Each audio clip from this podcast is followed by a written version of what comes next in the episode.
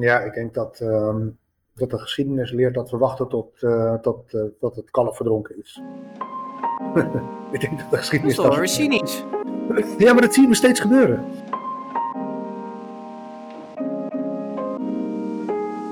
Je luistert naar Schitterend Doemscenario, de podcast. Mijn naam is Dennis Storm en voor mijn nieuwe boek probeer ik een antwoord te geven op de vraag: hoe ziet de toekomst van onze manier van leven, onze maatschappij en onze planeet eruit?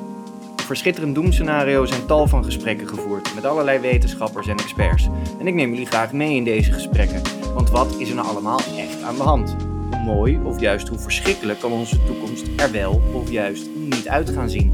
En, niet onbelangrijk, hoe denken de wetenschappers zelf dat het met ons en onze planeet af gaat lopen? Vandaag het tweede deel van het gesprek met meteoroloog Reinier van den Berg. Een heel groot gedeelte van het wetenschappelijke debat over klimaat heeft een link of een oorsprong in Wageningen. Daar heb jij ook gestudeerd. Ja, dat klopt. Uh, uh, luchtvervuiling was je. Ja, daar ben ik in afgestudeerd. ja, precies, ja. ja. Plastic en luchtvervuiling. Ja, wat, dat, nou, dat, daar was ik wel benieuwd naar. Was dat in die tijd al, nou niet dat je zo oud bent, maar was dat toen al een groot probleem?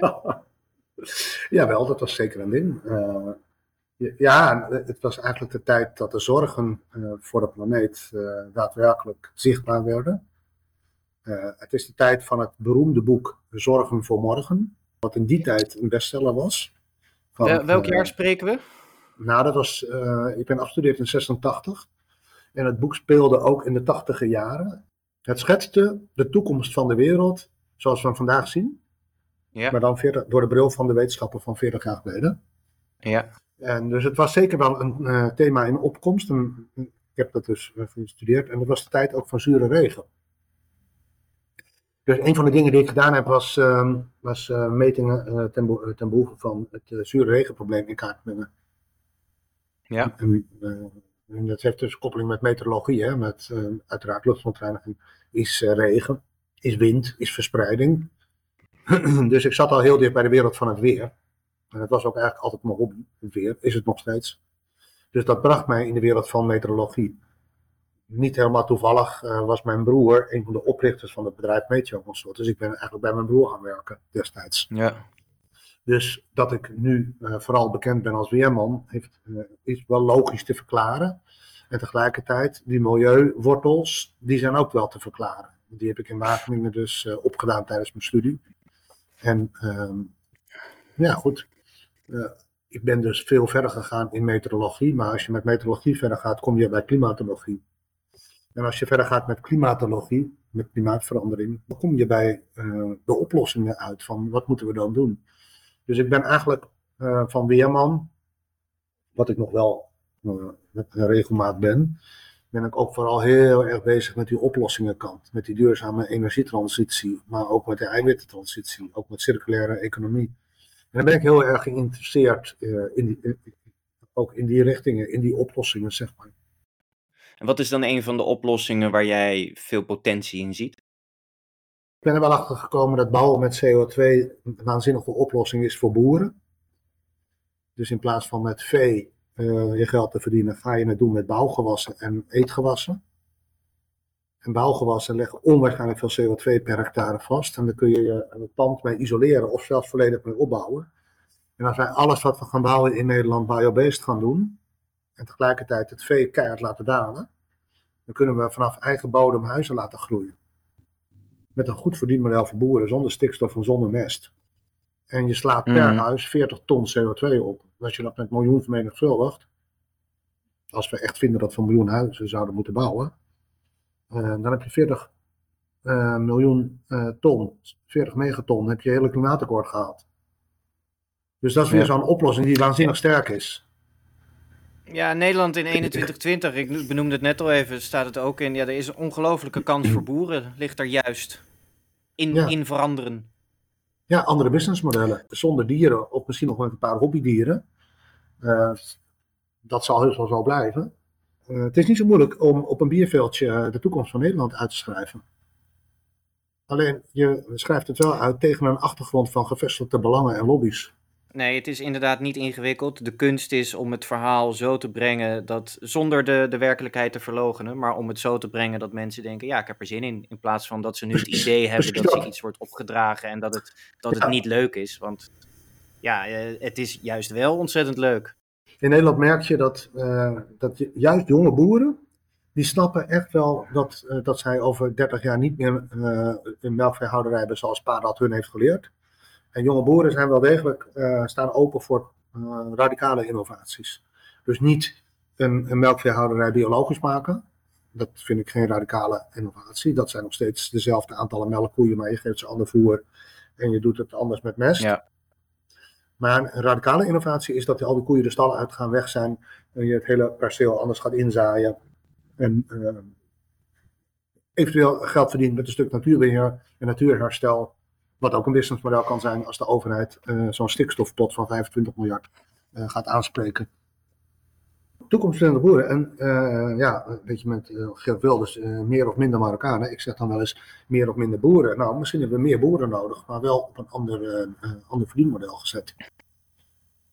Nou, dat is ook natuurlijk een, een hele belangrijke in, in het gesprek van de dag. Dat zeker met de boerenbeweging dat er werd gedaan alsof er de, de boerderijen hadden last. En met een boerderij heeft de, de, gemiddelde burger heeft een heel romantisch beeld van een klein boerderijtje. Met wat precies. kippen en een Absoluut. akkertje. En kinderen ja. die op een fiets over het ja. erf rijden. Exact, maar degene die, die de grootste bek hadden, ja, dat heeft niets meer met een boerderij te maken. Dat zijn gewoon industrieën dat is, dat is die industrie. veel groter zijn dan jij en ik uh, kunnen beseffen.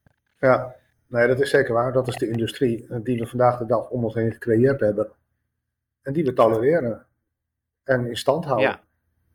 Nee, ik ben ook voor veel meer boerderijen, maar dan hebben we het wel over de, de boerderijen in, in de klassieke vorm. En dat zal ja, in zijn totaliteit, moet je natuurlijk ook een soort van uh, model hebben dat het allemaal gaat lukken. Maar er is juist ruimte voor meer. Ja, precies. Nou, precies. En, en, en, en dat is een hoop een hoopgevend bericht. En dat probeer ik dus uit te dragen op de plekken waar ik kom. Um, en ik ben ook met een serie bezig. Uh, dat, dat komt najaar 2024 pas, uh, overigens op de buis. En dat is over houtbouw. Als onderdeel van biobased bouw. Uh, we zijn ja, begonnen met de opnames. En uh, dan gaan we dus echt van de herkomst van de plank tot en met de happy user op de bakkerstraat en weet ik veel wat. in alle fases tussen alle vooroordelen over houtbouw, de nadelen van de houtbouw, die er ook heus zijn. Maar gewoon het eerlijke verhaal proberen te vertellen in vier afleveringen voor welk, uh, welk net wordt dit? Dit wordt RTL. Welke zend? Kijk, nou, ja. ja. komen we toch nog eens ergens. Ja, daar zouden we nog ergens komen, uh, zeker waar.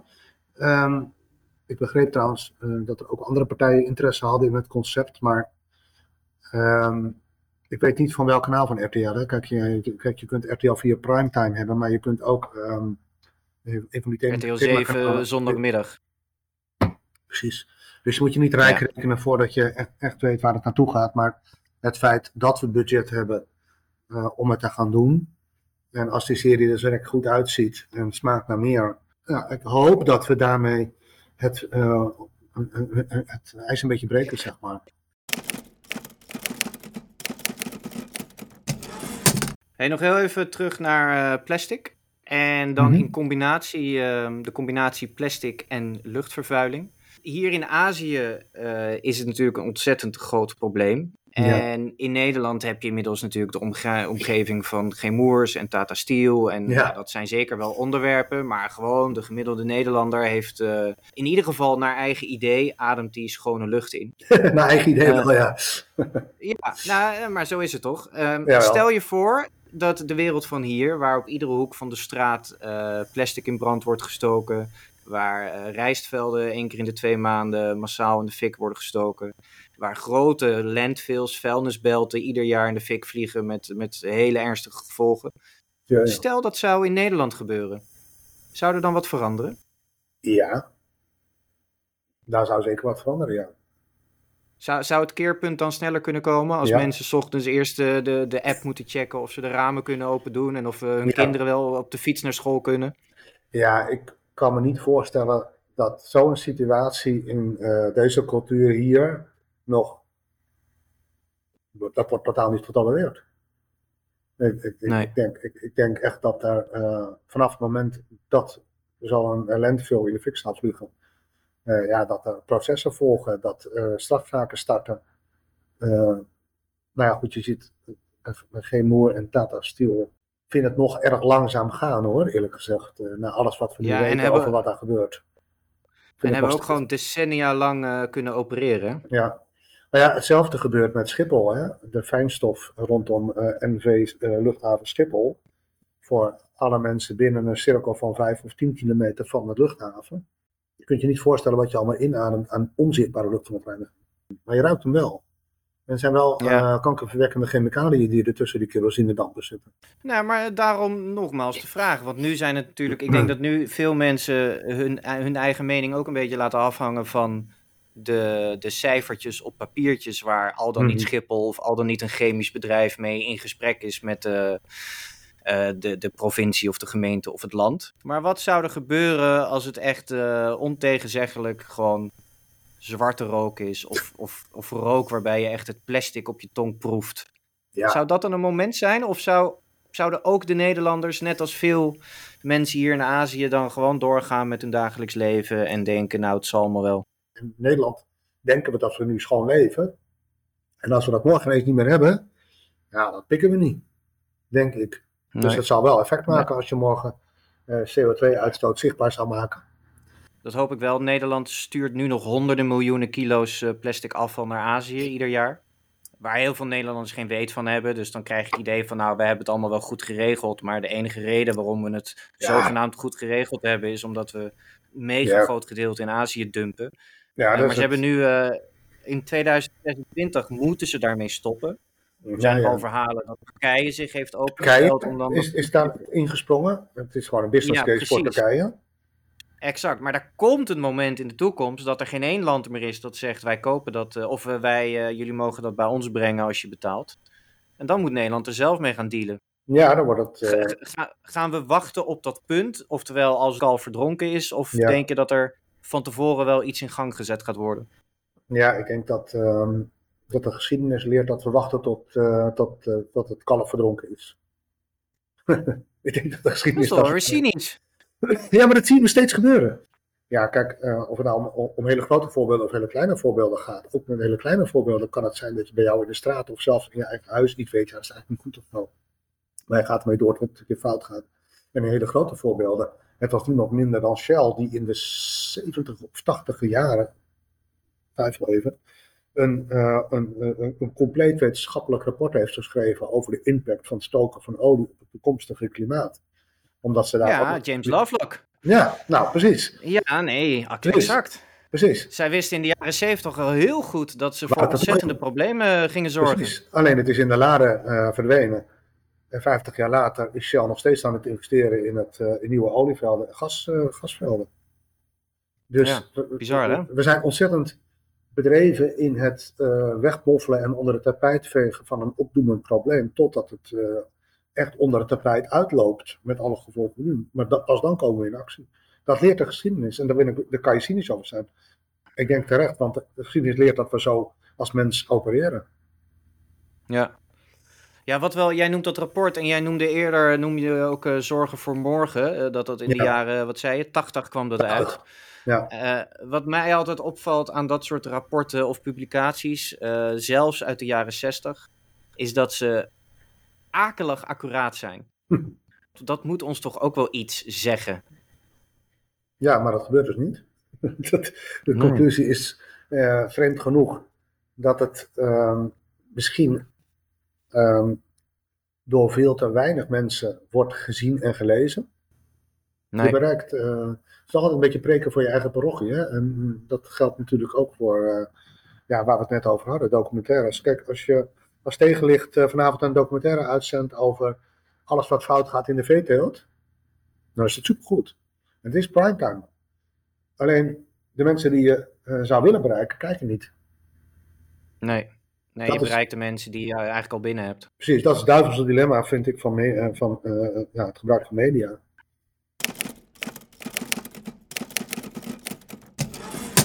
Hey, uh, de NOS heeft jou uh, vorig jaar uh, even gebeld of ge-mailed, zag ik. Want er kwam een, een rapport uit van het Wereld Natuurfonds. Het, oh, ja. het Living Planet rapport. Ja. En daarin werd bekend dat sinds 1970 het aantal wilde dieren op de wereld met 69% is gedaald. 69% in een halve eeuw. In zoet water is dat maar liefst 83% en in Latijns-Amerika zelfs 94%.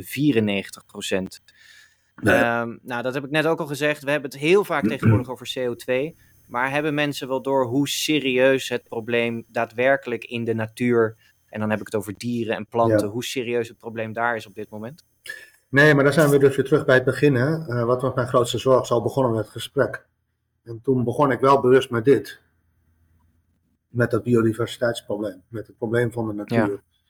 En nee, uh, mensen hebben dat niet door. Mensen hebben dat totaal niet door. En, uh, in Nederland hebben mensen dat ook totaal niet door. Laat staan dat ze het snappen dat het in Latijns-Amerika of bij jou in Indonesië of Azië fout gaat. Maar mensen hebben in Nederland, uh, ze zitten in de auto en ze zien groene grasvelden. En soms als ze mazzel hebben zien ze een vlindertje. Mensen hebben totaal geen idee dat het met de biodiversiteit in Nederland zelf, met de weidevogels, uh, zoals gezegd met insecten, met het bodemleven, wat ontzettend belangrijk is voor alles wat boven de bodem leeft. Ja. Eh, dat het daar heel slecht mee gaat. En mensen totaal geen idee van. Ja, en dan is de Amazon ook nog eens een ver weg show. Het is een ver weg show. Maar nee, maar uh, antwoord op die vraag is inderdaad, mensen hebben totaal niet door hoe slecht het met de natuur gaat. En in Nederland al helemaal niet.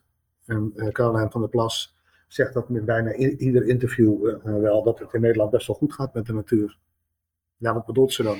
Dat, dat, dat, dat we heel veel grasvalt hebben grasvalt. Hè? Dat is groen, uh, groen asfalt. Dat is Engels rijgras. Het is toch eigenlijk ook raar, ook raar dat, we, dat dat überhaupt kan, weet je wel. Dat, dat is ook systematisch iets wat veranderd zou moeten worden. Dat je maar gewoon wat kan roepen wat ongefundeerd is. En dat, dat een miljoen mensen daar dat maar voor waarheid aannemen. Terwijl het gewoon onzin is. Dat is ook raar. Nou ja, dat is uh, inderdaad waar tekenend voor deze tijd. Dat uh, de wetenschap niet meer de autoriteit heeft die hij vroeger had. Althans, uh, we zijn heel selectief wanneer we de wetenschap wel of niet als autoriteit gebruiken. We stappen wel met het volste vertrouwen in een vliegtuig. Eén brok technologie op basis van wetenschap. Want dan komt het ons ja. uit. Maar als diezelfde wetenschap in de, in de vorm van een huisarts uh, jouw blinde darm gaat uh, helpen oplossen, dan vertrouw je die wetenschap blindelings, omdat anders die blinde darm een drama wordt. Maar als diezelfde wetenschap vertelt dat de ijskappen supersnel smelten en dat de zeespiegel in de loop van deze eeuw uh, steeds sneller gaat stijgen, dan, zien we, dan doen we dat af als een idioot links geloof. Er zijn, bestaan geen mensen die baat hebben bij het in discrediet brengen van de dokter die, die vertelt dat je blinde darm eruit moet. Nee. En de industrieën hebben natuurlijk wel baat bij het in discrediet brengen van, dat is ook gewoon bewezen, dat is ook uh, bewezen, van de wetenschap. Het thema wat je nu zegt, uh, want er wordt inderdaad heel erg veel geld besteed in uh, fossiele industrie om een tegengeluid ja. te financieren. Lobbyisten. Lobbyisten. Tot en met een heel instituut aan toe. En zelfs Heartland Institute is daar een bekend voorbeeld van in Amerika. Maar dat is echt opgericht om twijfel te zaaien. Dat doen ze helaas met succes. En er zit eh, wat dat betreft ook nog iets in de manier hoe wij journalistiek bedrijven. De BBC heeft daar een aantal jaar geleden excuses voor uh, aangeboden. En ook uh, gewijzigd hoe ze daarmee omgaan in bijvoorbeeld praatprogramma's. Nou, dat doen ze achter de schermen bij ja, iedere talkshow. Is oké, okay, deze wetenschapper zegt A. Nou, dan gaan we ook even iemand zoeken die B ja. zegt. Terwijl 99,9% van de wetenschappers ook A zeggen. Maar ja. ze willen een debat aan tafel. Dus gaan ze iemand exact. vinden die B zegt. Exact. Dat is een groot probleem. Ik heb, ik, ik, heb inderdaad zelf gezegd, al een aantal jaren geleden. Ik vind het prima om bij op één aan te schuiven. Maar het is voor mij no-show als je daar een klimaatskepticus neerzet. Dat doe ik niet meer. Ik heb geen zin om die gast onder de tafel te lullen. Want dan krijgt hij toch een podium. Hij kan toch zijn gif spuien over ja maar dit en ja maar dat. En ik, er is geen ander geluid. Klimaat verandert gewoon heel snel. En dat komt door de mens. En ja, om daar nou nog een scepticus voor uit te nodigen, ik werk er niet mee. Laatste blokje, politiek. Uh, er is veel uh, discussie als het gaat om oplossingen en vooral verantwoordelijkheid uh, daarvoor. De politiek kijkt naar de stemmers, de burger kijkt naar de politiek, het bedrijfsleven kijkt naar de markt. En de markt wordt, wordt gestuurd door politiek beleid. En die kijkt weer naar wat de burger zeg maar doet. Ja, zo bijt je de hele tijd, probeer je je eigen staart te bijten. Wat is denk jij nou het belangrijkste? De burger, het bedrijfsleven of de politiek? Je noemt precies de drie actoren, zeg maar. Ik schets het inderdaad vaak als die driehoek, waarbij elk onderdeel in de driehoek van ontzettend groot belang is. Dus ook de consument is in die driehoek heel erg belangrijk om andere keuzes te maken. De producent is heel, eh, is heel belangrijk om andere keuzes te maken in zijn dienst of product duurzamer te maken. Ja, en meestal teken je die driehoek met bovenaan de overheid die sturend en maatgevend is, zeg maar. Maar wie is nou de belangrijkste? dat is jouw vraag. Ja, nou, als we het over jouw driehoek hebben, dan, dan uh, ja, een, een, opvolgende vraag. Zit er een lont aan die driehoek? En zo ja, waar zit die lont? Lont? Ja. Wie steekt het hele gebeuren aan? Wie zet de verandering in, werken, in ja, werking? Dat is mooi gezegd. Uh, dat is mooi gezegd. Um, ik denk, als je het zo, uh, zo scherp tekent, dan denk ik dat de consument de boel in beweging kan zetten. Omdat die de macht van het getal oh. vertegenwoordigt. Zo, nou oké, okay. dat vind ik, uh, die had ik niet verwacht. Nou, je ziet eigenlijk, uh, ook, ook dat is wel weer geschiedenis. je ziet wel dat als, als je in staat bent hè, om een beweging van onderaf te krijgen in een samenleving of in een cultuur of in een land. Echt een grote beweging op gang weten krijgen. Dan heeft dat echt uh, van onderaf mega grote gevolgen naar boven toe. En als je het andersom doet, en je steekt het bovenaan, voor het, voor de politiek, dan, is, dan krijg je misschien wel datgene wat we nu nou net zo zien die weerstand van onderaf, het kon tegen de krip gooien. Als je de macht van het getal kan laten werken uh, van onderaf, dan, dan gaat die producent mee en gaat uh, de overheid ook mee, denk ik. Je hebt ze alle drie nodig, hè? In, dat, in, in die verandering zijn alle drie de partijen nodig. Maar de vraag is, wat ja. heeft het snelst een keihard effect? Ja, nou dan uh, heb je een goed verhaal nodig om de massa mee te krijgen. Precies. Precies. Ja, goed, als je naar geschiedenis kijkt, bijvoorbeeld de grote revoluties in Frankrijk. Toen had men nog niet eens media. Maar toch uh, zijn die revoluties... Gezegend waren de mensen. Ja, ja, dat is het. Dat is het. Dus de geschiedenis laat zien dat het van onderaf kan. Zelfs zonder moderne media. Toch? Ja, zeker. Maar ja, dan moet dus, eh, ja, verhalen rollen alleen maar van de een naar de ander, als ze daadwerkelijk goed zijn. En dat vind ik wel interessant, dat kan de marketing namelijk heel goed. Dus wel, eh, ja, Black Friday, um, ja. wat doen al die bedrijven? Die zeggen niet dat je moet komen, die zorgen voor een incentive dat jij denkt, ik wil daarbij zijn, ik wil dat hebben, ik mm. wil die korting, ik wil het. Ja. En dat gebeurt met het hele groene verhaal nog wel eens andersom. Dat, het, dat de boodschap zo wordt gebracht dat mensen denken: ach, ik moet dat, maar ik heb er geen zin in. Hmm. En het moet dus marketingtechnisch. Misschien is het enige wat de groene revolutie, de nieuwe groene revolutie nodig heeft, wel hele goede marketingmensen. Die eerder voor Coca-Cola en Red Bull en weet ik veel wat hebben gewerkt. Maar dat die eens worden ingehuurd door de, door de planeet, als het ware. Ja. En dat die misschien wel een verhaal kunnen vertellen, waardoor het grootste gedeelte van het volk denkt: ja, maar dit wil ik. Daar ben ik het roerend mee eens. Heldere communicatie en een goede marketing, eh, want het is uiteindelijk marketing. Daar ben ik het zeker met je eens. Um, er is een andere Reinier van den Berg, uh, een familielid, die is beeldend kunstenaar dus. ja, uh, exact. Ben jij, wel de, ben jij wel degene die op de lijst van de ChristenUnie staat? Ja, dat klopt. Ik was lijstduur bij de ChristenUnie. Dat ben ik inderdaad wel. Uh, je stond op plek 49, als ik het goed heb. Ja. Net niet gehaald. ik moet heel eerlijk zeggen, dat wist ik niet. Maar de ChristenUnie is ecologisch progressief. Ja, dat is zeker waar. Daarom, daarom, verbind ik me er ook aan. En ja, uh, Ja, nou, ik wilde niet zeggen, in ieder geval zeggen ze dat te zijn, maar jij zegt al, daarom verbind ik me daaraan. Ehm, hoe Ja, kan dat het dan dat andere ja. partijen zoals het CDA, die ook een, een christelijke achtergrond, fundament eh, en achterban hebben, eh, dat die wel redelijk eh, aan de andere kant van het spectrum van, staan? eh, Ja. nou dat klopt. Ja, hoe kan dat? Heeft dat met het geloof te maken of heeft dat met de partij te maken? Ehm, heeft het met het geloof of met de partij te maken? Met de partij te maken. Ehm,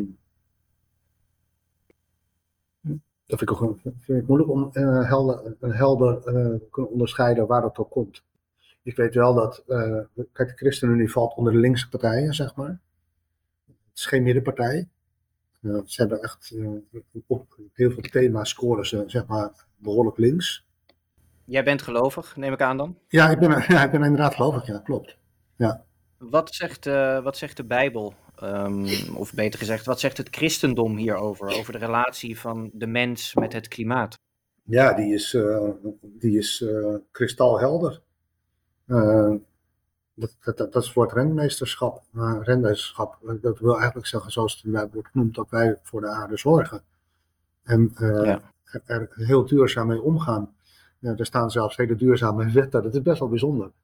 De Bijbelse wet ro- rondom landbouw was dat je ehm, zes jaar landbouw mocht bedrijven op een perceel.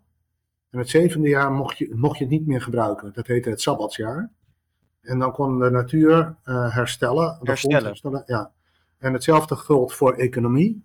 Je mocht eh, geen boekerwinsten eh, vragen als je geld uitleende aan je buurman. En na, na zeven jaar moest de schuld kwijtgescholden worden. Of die het nou wel of niet kon terugbetalen.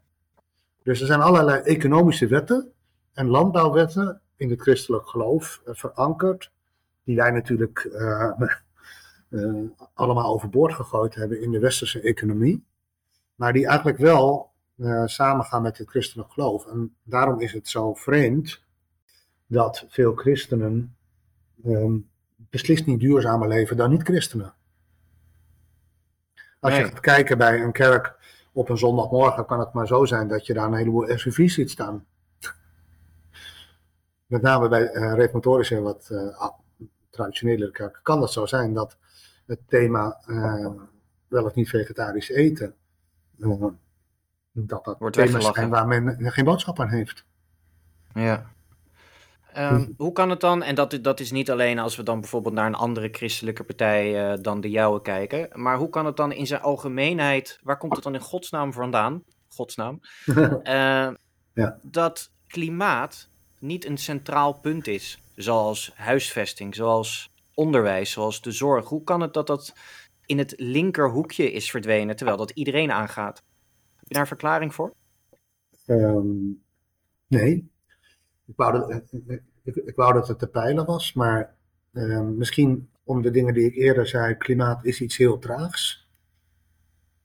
En ehm, er is nog wel iets wat een rol kan spelen. In ieder geval bij de eh, meer traditionele, de reformatorische christenen, zeg maar. En dat is eh, dat men gelooft dat eh, God het uiteindelijk wel herstelt. Dat heet dan hè, een nieuwe aarde of de vernieuwde aarde. En dat God ingrijpt en terugkomt en alles goed maakt. En de aarde weer als een paradijs maakt. En in die orthodoxe stroming, ik heb daar ook wel lezingen voor gegeven, kan het zo zijn dat men zegt van ja, maar al dat gedoe over klimaatverandering en duurzaamheid, het komt toch wel goed. Dan zeg ik tegen zulke mensen van ja, maar eh, voordat het goed komt, vraagt God aan jou wel, heb je naaste liefde als jezelf. Dat is een, een van de meest centrale, eh, als je de tien geboden in het christelijk geloof samenvat, tien geboden is een best wel een lang stuk, Eh, daar heb je wel eens van gehoord, denk ik. Maar als je dat samenvat, dan is het Ik, dit. ik heb op een christelijke basisschool gezeten, dus ik heb Kijk. iedere ochtend de Bijbel gelezen. Ja, Nou, dan weet je dat. En dan wordt dat samengevat met, eh, het komt er dus eigenlijk neer, heb de naaste lief als jezelf.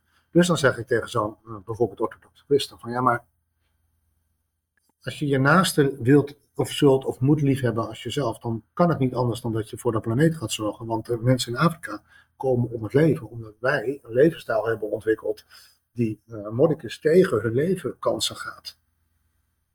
En dan wordt het stil. Islam en christendom zijn beide religies Waarbij je zou zeggen, als je in zo'n ene God gelooft, dan geloof je in een God die alles gemaakt heeft en die jou de opdracht geeft om er goed voor te zorgen. Als alle christenen en moslims zouden leven naar datgene wat ze eigenlijk zouden moeten doen, dan is het hele duurzaamheidsprobleem opgelost. Want ik denk dat twee derde van de mensheid christen of moslim is. Bij jou in Indonesië is bijna iedereen moslim. En, en nou, uh, zo heb je... Uh, het grootste, grootste moslimland op aarde, ja. Precies. Ja, maar als al die moslims dat zouden doen, wat ze eigenlijk zouden moeten doen op basis van hun boek of hun geloof, dan zouden we het gisteren hebben opgelost. Maar Ja. dat doen we dus niet. Nee, dan gaat het toch nog Komt ergens het dan mis. even niet uit? Nee, ja, Eh, er zijn natuurlijk heel veel factoren. Sommige zijn noodgeborenen, anders, Ja, eh, ja. anders is het wel gemakzucht. Dat kan natuurlijk ook, laten we dat Hmm. niet ontkennen. Maar Dat- er zijn heel veel verschillende redenen waarom, eh, waarom we dat met z'n allen helaas nog niet doen. Ja, Ik ga hem afsluiten en ehm, ik ga je vragen om je iets voor te stellen. Stel, jij eh, bent gekozen als eh, minister-president van Nederland. De ChristenUnie heeft een absolute meerderheid, ruim 90 zetels. Eh, Eerste Kamer, provinciale staten, alles is met je. wat een paradijs. Wat, is het, wat een paradijs. Eh, het volk staat, staat te, te, te wachten totdat jij eh, je mond opentrekt. Wat Ja. is het eerste dat jij zou veranderen? Ik zou. ehm,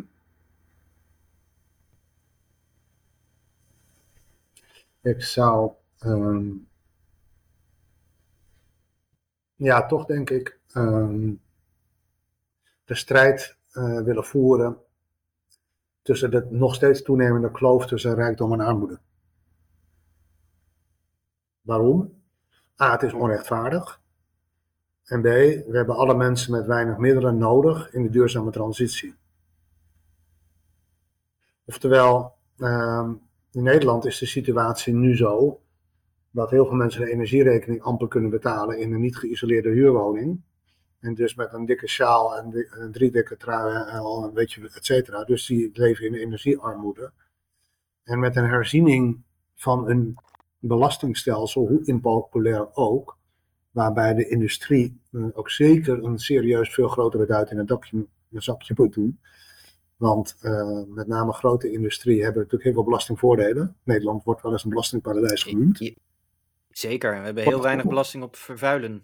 Juist, juist, precies. Dus een herziening, een herverdeling van middelen, zodat de kloof tussen rijkdom en armoede direct veel kleiner wordt, zodat iedereen eh, draagvlak eh, krijgt om mee te doen in de transitie. Dat lijkt me de meest efficiënte eerste stap. Goed verhaal, Reinier. Ik hoop dat je het een keer uit mag voeren. nou ja, ja, wie weet bij de volgende verkiezingen over drie maanden.